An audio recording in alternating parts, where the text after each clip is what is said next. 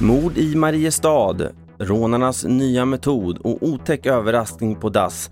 Ja, det här är TV4-nyheterna som börjar i Mariestad för där har en man i 40-årsåldern gripits misstänkt för mord på en 35-årig kvinna under natten. Mannen greps på platsen där det också fanns ytterligare en kvinna i 35-årsåldern som utsatts för misshandel. Anhöriga är underrättade om dödsfallet. Adressen är naturligtvis avspärrad och man kommer jobba framåt med en teknisk undersökning av adressen och, och man försöker då skapa sig en klarare bild av, eh, av händelseförloppet och vad det är som har förevarit innan den här händelsen. Då. Det sa Hans-Jörgen Ostler, polisen Region Väst.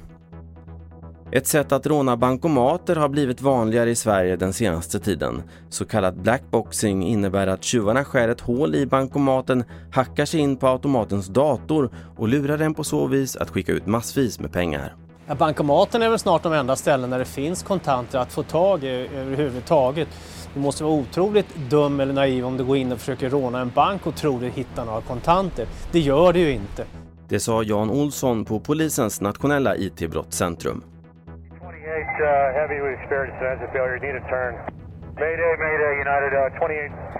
Ja, så här lät det när ett plan på väg från Denver till Hawaii började tappa delar av motorn som föll ner mot ett villaområde i Bloomfield i USA igår.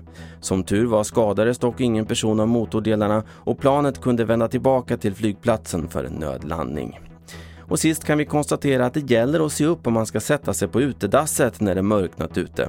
Det gjorde inte en kvinna i Alaska som efter att ha satt sig på dasset snart reste sig upp med ett skrik efter att ha blivit biten i ena skinkan.